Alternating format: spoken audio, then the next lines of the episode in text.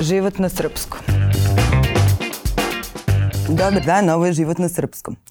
Ja sam Ana Kalaba i danas imam specijalno zadovoljstvo da ugostim glumca Željka Dimića ili da kažem Jacka Dimića. Zdravo, Željko. Zdravo, kako si, Ana? Evo, dobro. E, ajde odmah da, da te pitam da li je promjena imena bila toliko bitna za, za karijeru u Americi? Pa ime nikad nije bilo promijenjeno zvanično, već samo je Michael, moj profesor, Michael Magota, koji je primio na klasu, nakon šest mjeseci lomljenja jezika i, i mučenja kad god ja izađem na scenu. Uh, to sam već nekoliko puta ponovio, ali moram i za vas, za vaš medij. Uh, kako se zoveš? Željko. What? Željko. What? Željko. What? I onda nakon šest mjeseci to what je prestalo da bude what. I rekao, you know what? You're Jack from now on. I eto, postao sam Jack. Jack, kako bi oni rekli. Međutim, to je samo za potrebe filma, televizije i teatra, jer svoje pravo ime nikad nisam promijenio.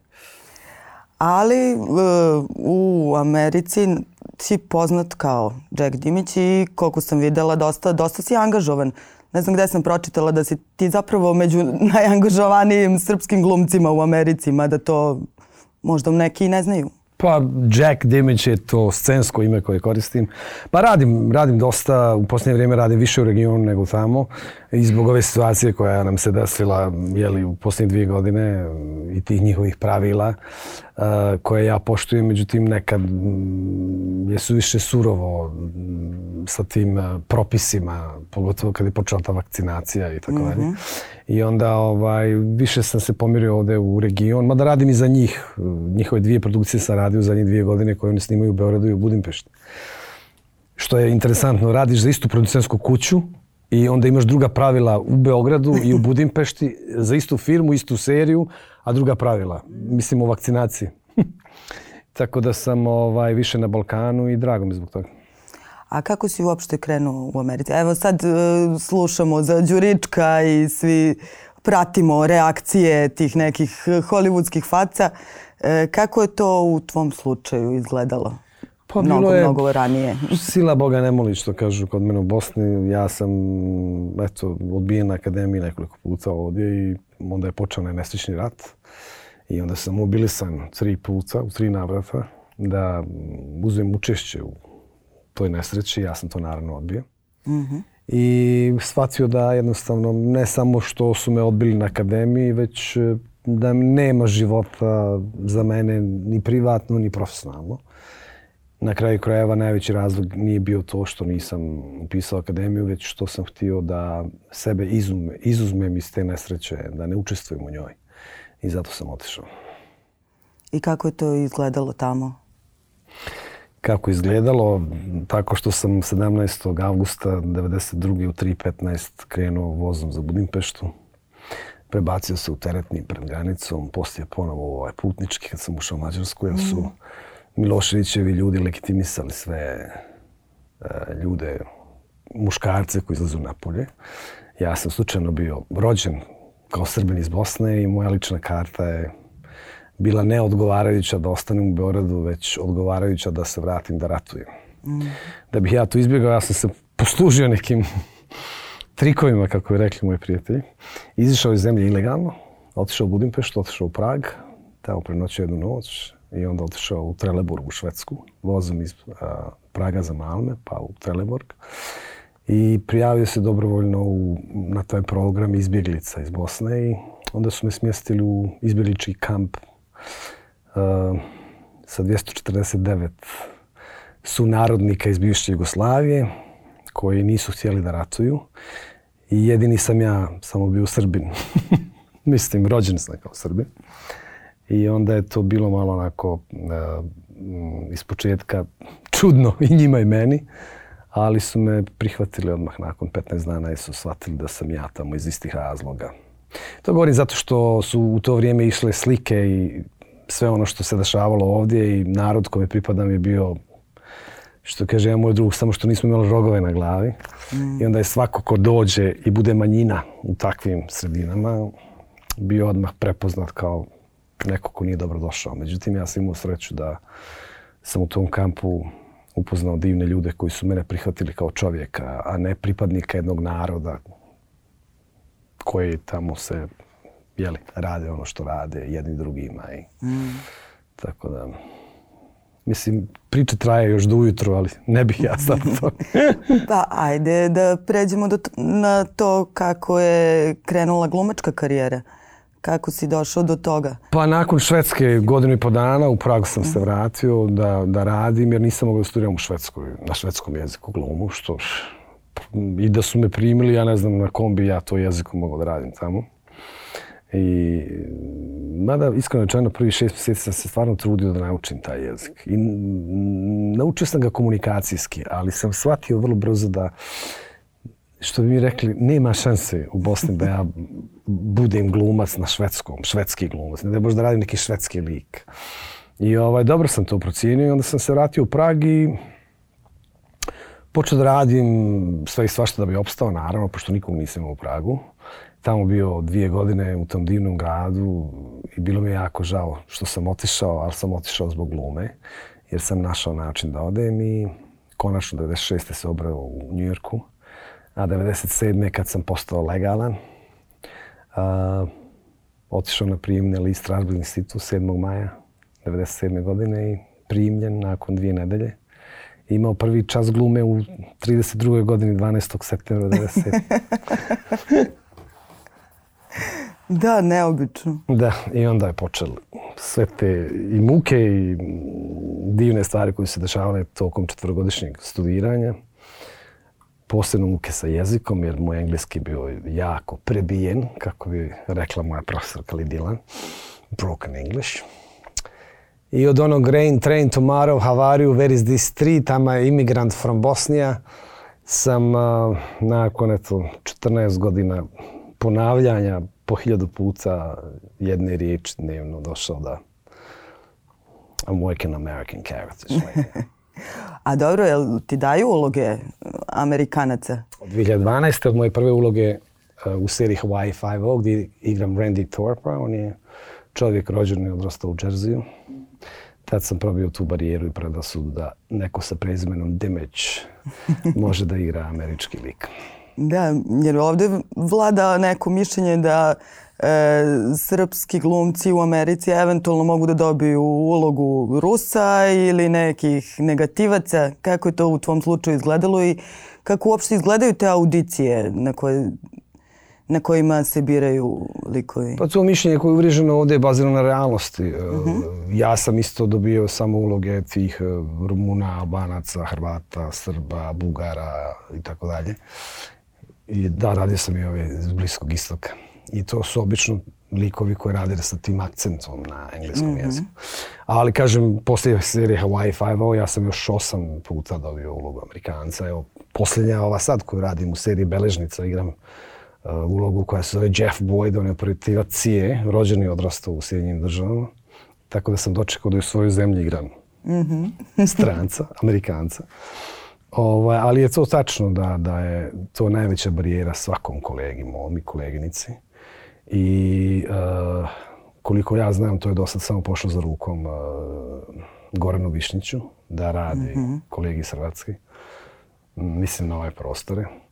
Da radi Amerikance i eto moja malenkost je to radila osam navrata. Ali se uglavnom svodi na strance.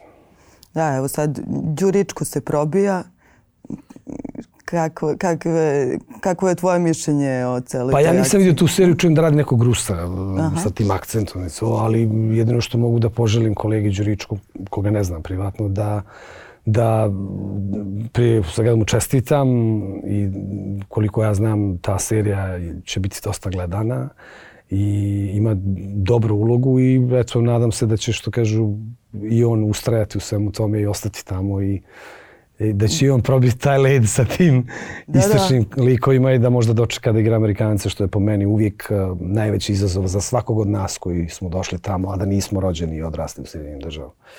A koliko se, ste međusobno povezani? Koliko se viđaš sa našim glumcima tamo? Pa rijetko, zato što sam ja mnoge dočekao i otpratio. Mnogi su došli i vratili se. I sad da ih ne nabrajam. Ali dok su bili tamo, naravno da smo se družili. S nekim sam čak i radio, kao s Sergijem Trifunovićem, u nekoliko navrata. Radili smo dvije serije, film zajedno. Ali o, uglavnom su se ljudi to su bili etablirani glumci ovdje koji su otišli tamo da pokušaju da nešto urade na američkom tržištu, pa su ili se vratili ili uh, našli za shodno da više rade ovdje nego tamo. Ali nema tog nekog druženja na tom mm, geografskom osnovu. Ja sam uglavnom usreseđen na američke prijatelje i kolege, jer sa njima uglavnom radim. Ali naravno da mi uvijek drago kad sretnem, evo sutra možda sretnem Đurička na setu, koga kao opet kažem, ne znam privatno, ali bilo bi veliko zadovoljstvo radim s njim.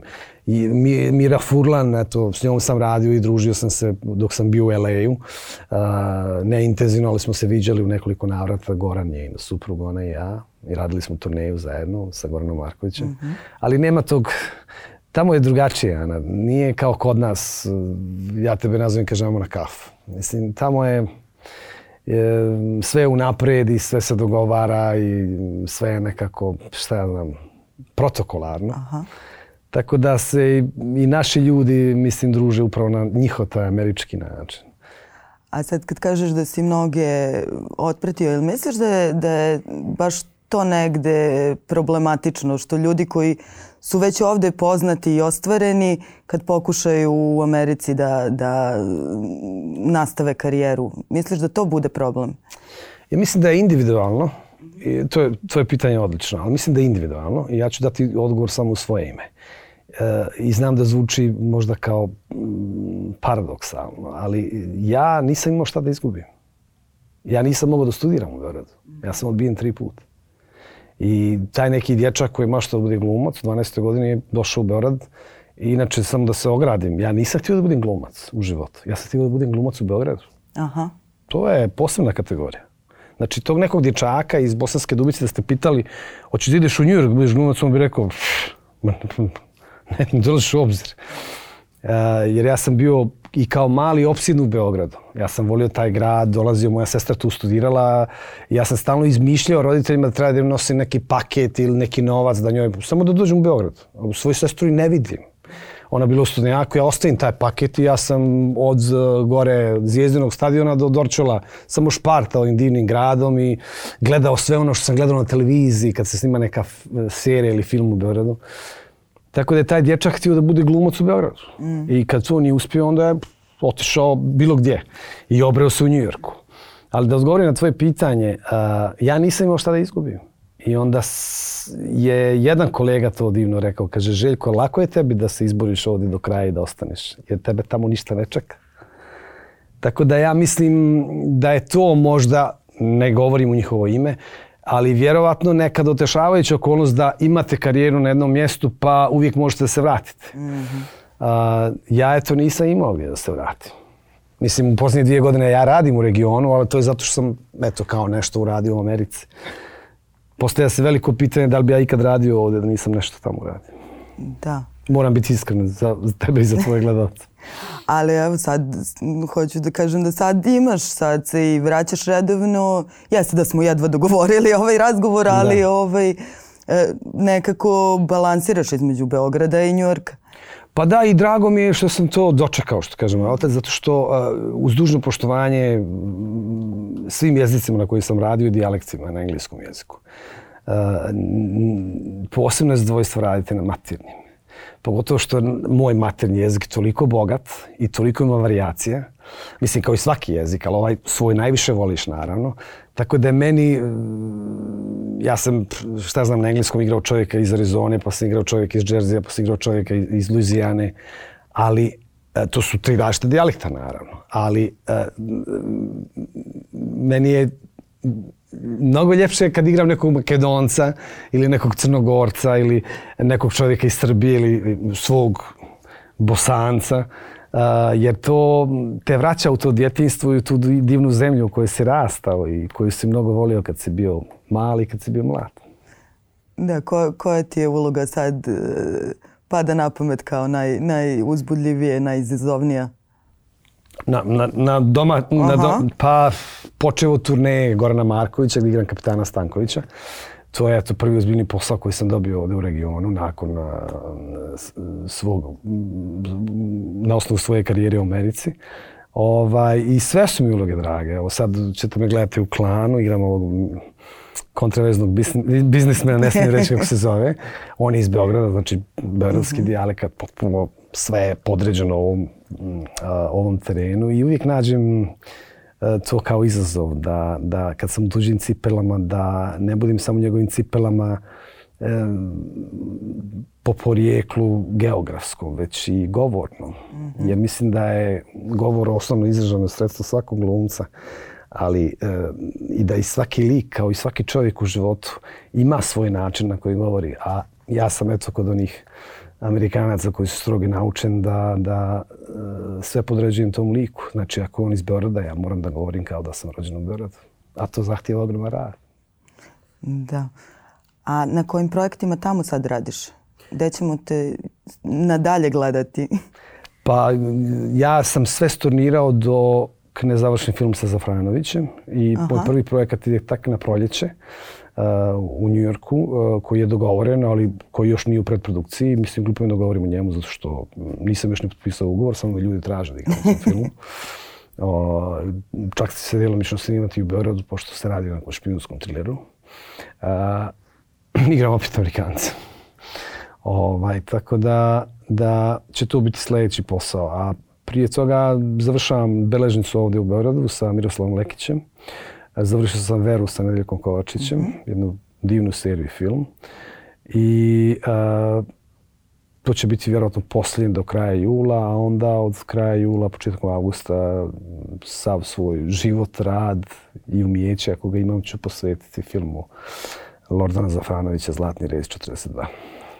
A pozorište? Ovdašnja publika ima priliku s vremena na vreme da te vidi u monodrami. Radim moj život je stalno. Imao sam sreću i čast i zadvojstvo da mi je to Josip Jaković ustupio. Imam sa njim doživotni ugovor da igram moj život dok sam ja živ. Aha. Ovaj, A kako to izgleda? Kako se potpisuje doživotni fino, ugovor Žeko, za... prepuštam ti predstavu. Ja, to, ja sam sad to u nekim godinama, ja to, ne bih ja to više radio. Ovaj, potpišću ovdje za autorska prava i super. I piše dolje dok sam ja živ i zdrav i dok mogu na scenu. I jako se radujem tome jer ima divna priča kada je Josip gostao u mom gradu. Ja sam bio u osmom razredu i sjedio sam u prvom redu i kad se on poklonio publici nakon izvođenja ove živote, ja sam se popio na scenu, njemu prišao i pružio ruku i rekao ja ću to jednog dana igrati. Kolega, da. I, to, i on, i pružio sam prst, sjećam se onaj svoj malecki. Kolega, on kaže, a otkad smo mi kolege, to sam kasnije pričao, on se naravno mene i ne sjeća. Toliko ljudi ga gledalo, je imao 4000 izvođenja mm. uh, ove živote. A on kaže, a otkad smo mi kolege, pa reko nismo još, ali kad dođe vrijeme, bit ćemo i ja ću to igrati. Mislim, naravno, ja sam to rekao na pamet. Ali se ispostavilo, eto, igrom slučaja da igram sad ove živote. Da, neverovatno. Da.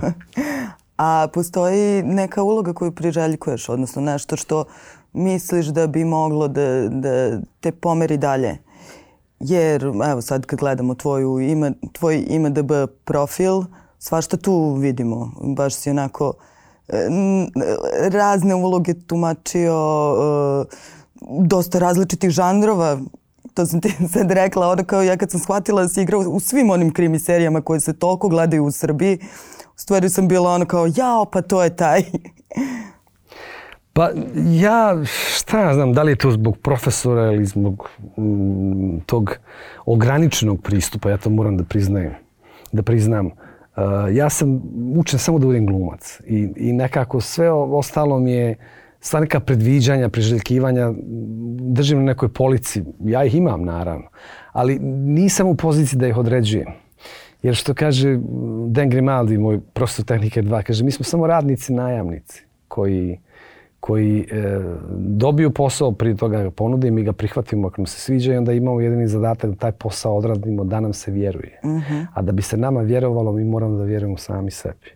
I onda sve to nekako izbaciš iz svoje glave i svog života e, dok ne dođe sljedeća uloga. I kad dođe ta uloga, ti proceniš da li možeš, da li si sposoban, da li vrijedi uh -huh. a, tvog vremena, i projekat i uloga i onda se uključiš u nju i ni o čemu ne razmišljaš. A kad bi sad postavljao listu šta bih ja volio da igram, pa ima sigurno mm, nekolicina istorijske ličnosti koje bih ja volio da igram, ali je nezahvalno da ih prozivam sad, posthumno, ovaj, zato što mm, ti projekti ne postoje i ako postoje nisu mi ni ponuđeni. A jel tebi nude uloge ili i dalje ideš na audicije? Mislim, kako to funkcioniše uopšte sada? Tamo je sve na castingu, naravno, osim ako ste u toj A listi, to su kolege ovdje što zarađuju multimilijonske, imaju multimilijonske honorare kojima se nude scenarija, pa oni...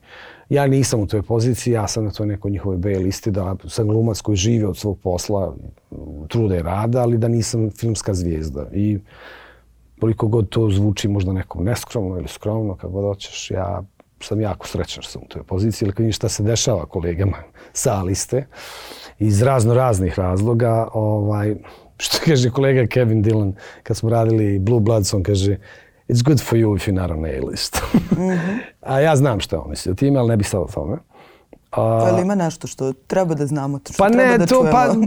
Pa čim ste pod lupom tom, Aha. uvijek se nešto nađe. Mislim, ja ne znam, ja nemam strah ni od čega. Ali mislim da... E, da li je to zbog nekog vaspitanja? Ja volim taj neki staromodan pristup koji se zove put kojim se teže ide. I ja sam... E, ja ništa u životu nisam dobio lako, Ana. Ja sam za sve morao, kako se kod nas kaže, da zavrnim rukave. I kad sam nosio smeće, i kad sam služio ljude, i kad sam pravo automobili, i kad sam šetao pse, i kad sam uh, farbao stanove, i rušio zidove, i nosio otpad. Uh, ne postoji posao koji nisam radio. Dok sam se školovao i dok sam, pogotovo dok sam bio ilegalno u Njurku, dok nisam, dok nisam dobio status. I onda, e, nakon evo, 87 uloga, e, sad kad bi došao Spielberg i rekao evo ti 5 miliona dolara za ulogu tu, tu i tu, sutra snimaš. Ja ne kažem da bih je odbio, ali ja iskreno kažem, u 56. godini života, ja bi morao dobro da razmislim šta i kako posle toga. Jer, e, što kaže moj otac, ne mogu svi da te vole. Mm -hmm. I ne mogu svi da te poštuju zbog ono što ti to radiš. Bez obzira što ti nikom ništa nisi skrivio. A malo, malo pa čujemo, draga Ana, i ti ovde i ja tamo, kako je tamo neki Petar Žiko Lazo, koji je bio B, C ili D lista, nebitan nekom. A onda kad dođe pod lupu javnosti, nađe mu se da je nekom rekao da ima lijepu haljinu. Pa ga, što se desilo jednom mom kolegi stvarno. Rekao je na setu, neću da kažem kako se zove. Ovaj, rekao je na setu koleginici da izgleda jako lijepo to je haljin. I onda je ona našla za shodno da se požali producentima, a kasnije da ga tereti za, kako se to zove tamo, obstrukcija privatnosti. Mm -hmm. Mislim, ja ne kažem da bi se meni tako nešto desilo, mada sam mnogo puta rekao nekoj ženi da ima lijepu haljinu, ne profesionalno, već privatno. Ali mm, u tom je razlika, eto, malo sam duže odgovorio na tvoje pitanje između te A liste i B liste. Da. E, I pomenuo si da bi razmislio da li da odbiješ neku ulogu. Je li se dešavalo to? Jeste iz raznih razloga. Ja sam odbio dva puta ulogu iz, iz e, ne bih rekao političkih, ali e, iz razloga što su to po meni bili crno-bijeli projekti, kako ih ja zovem. Mm -hmm. U oba slučaja se radilo o filmovima iz regiona, jedan iz Bosne, jedan, e, mislim, tema je bila bosanska i dolje na Kosovu gdje su filmovi bili crno-bijeli, bili su pamfleti, a ne filmovi. Mm -hmm. Gdje sam ja trebao da igram likove koji predstavljaju neki narod koji kompletno ne valja u tom filmu, što je za mene van svake pameti ja niti sam školovan, niti vaspitavan da e, kompletan narod osudim, bez obzira o kom se narodu radi. Međutim, oba scenarija su bila u tom pravcu da ovi valjaju, a ovi ne valjaju. I kompletno, svi. Nisam ni jednog pozitivnog našao u oba scenarija. I naravno ja sam to odbio. Ima, ima toga, da. čini mi se dosta, da. ne samo kod nas. Pa ima svugdje. Mm. Ima svugdje jer nemojmo zaboraviti, filmovi i serije se ne rade samo iz umjetničkih razloga ili komercijalnih. Često to budu poruke nekom ili nečemu ili mm, na neki način oružje uh, kojim se neki ljudi služe, da dopru do ušiju nekih koji mm, za oni misle da treba da čuju. Mm -hmm. A kako to proceniti? Kako ono, se na vreme distancirati od takvih stvari? Što, kaže Irma Sandrija, moja profesorka, just read the script. Uh -huh. Samo pročitaj scenariju i pažljivo ga pročitaj i vidi da li si ti u tome i vidi koliko je pametno da budeš dio toga. To je, jel može da se Kako ono, da ne? Pa to pročita iz... Pa Dragana, ja ti sutra napišem pismo, šta mislim o tebi, ti ćeš odmah shvatiti iz tog pisma uh -huh. koje su moje namjere. Uh -huh. mislim, kad, izvini što sad privatizujem, da, da. ja ti se ne znamo da bi ja tebi pisao pismo toliko dobro. Ali ti ćeš odmah znati šta je, šta je pisac htio da kaže u tom uh -huh. pismu. A kamo u nekom scenariju gdje, gdje ti odmah vidiš te, te uh, ono što mi kažemo između redova, koje su u stvari poruke tog filma. Šta je cilj, šta je svrha tog projekta. Uh -huh. Ja eto imam sreću da nikad nisam rekao da. Ili nikad nisam bio primoran ili imao nesreću da budem uvučen, da nemam izbora, da budem toliko gladan, što bi mi glumci rekli, da prihvatim tako nešto. Ja bih radije otišao pa vratio se ponovo da farbamo one zidove ili da peremo one automobile ili sve što sam radio ranije. A te priče o razno raznim poslovima stvarno dosta čujemo od ljudi koji su otišli u Ameriku, čak i dosta posle tebe. Uh, šta te to naučilo? Pa, ima ona Josipova u ovoj živote, moram na dijalektu. Ajde. Kad te dočeraju do zida, ne mere dalje od zida. Ja sam dociran do tog zida uh, sa 20 dolara kad sam sletio u Ameriku. I sreća u nesreći, moja bivša djevojka Slavica dođe po mene na aerodrom, prvo nije vjerovala da sam ja tu jer sam došao na tuđi pasoš, sad to je neka druga priča. o, I ja nju zovem sa JFK i kažem, izvini, nismo se vidjeli nekoliko godina, ali ja eto sam sletio na JFK, pa nemam gdje da spavam, pošto nemam nikog. Ona kaže, to je nemoguće da ti me zoveš sa JFK, a ti lažeš. Ja kažem, kako, zašto, pa gdje ćeš ti na pasoš SFRJ koji više ne vrijedi da sletiš na JFK, što je potpuno normalno pitanje. Ja kažem, pa nije na moj, na tuđi ali nije bitno sad da ne pričamo o tome. Ja, ja nemam gdje spavat. Ma, kaže, to je nemoguće. Ispusti mi slušalicu. Ja opet nazovem, srećom, pogodim je u stan, tad nije bilo mobilnih telefona. Rekao, Slavice, molim te, ja sam na JFK-u. I onda se sjetim, vidim, piše onda na govornici, uh, broj tog telefona, javne govornice, u Americi to možda nazoveš kad nekog zoveš pa kažeš mu nazovi me. Ja se sjetim, kažem molim te, ajde ovako, evo ga broj ovde, nazovi ti mene pa vidi da lažem. Ako se ne javim, ja nisam na JFK-u. Ajde, kaže, čisto da me ne peče savjest. Sad je citiram. Ja, po, po ono, zvoni telefon, ja ga, ja, alo, bro, vidiš da sam tu, šta ti je? Jo, ovaj kaže, pa ti stvarno JFK? Pa rekao, jesam. I šta ćemo sad? Pa rekao, ja i dalje nemam gdje spavat. Kaže ona, pa da, čekaj, daj mi malo vremena. I pojavi se nakon dva sata i odvodi me kod Race. Mislim, ovo ti je odgovor za ovaj posao za koji pitaš. Aha. Ja sam ga dobio odmah prvi dan. Ja kod Racije Koljevića u Bronx na 174. ulici. Ne znam čovjeka, on, ona kaže, Raco, moj bivši dečko. Kaže, Raco, šta ćemo sad? Pa nema gdje spavati, nema para i treba da radi. Aj, joj, kaže, još jedan. Ništa, ostavi Aha. ga ovde. Mene Raco smjestio neki podrum. Ja tu bio i onda sam dobio prvi posao, to je bilo poslije 12, pola noći ujutru, da nosimo smeće e, za 20 dolara e, do nekih 4, pola 5. Došao je kamion pa smo to utovarali. I onda sam dobio 20 dolara keša. Kupio 5 ujutru, pošto tamo sve radi po cijelu noć. E, sandvič, kupio Malboro meko pakovanje i šest komada u limenci Budweisera. I ostalo mi 11 dolara 75 centi. I ja sam bio najbogatiji čovjek na svijetu i uzeo taj sandvič i što mi rekli u Bosni, stuko to pivo, samo tako. I zapalio onaj Malboro meko pakovanje. A namjerno sam uzeo meko, ali me posjećao na Sarijevski, tad sam pušio. Ovaj, i, I bio sam možda vjerojatno najsretniji i najbogatiji čovjek na svijetu. I onda se to nastavilo kasnije, dvije i po godine, jer nisam imao nikakva dokumenta. Pošto sam došao na tuđi pasuš, ne postoji. Prijavio se za politički azil. Ovi me negdje u fioci držali dvije i po godine tamo ne mogu, ne imam telefon, ni stan. Nema, mislim, osobe s kojom nisam stanovao u Njujorku, cimera i nas tri, četvorica, petorica nekad u nekom stanu, jer ne, ne mogu da uzem telefon, ne, mogu, ne, ne, ne postoji. Srećom, što kažu, bio sam zdrav, pa mi se ništa nije desilo.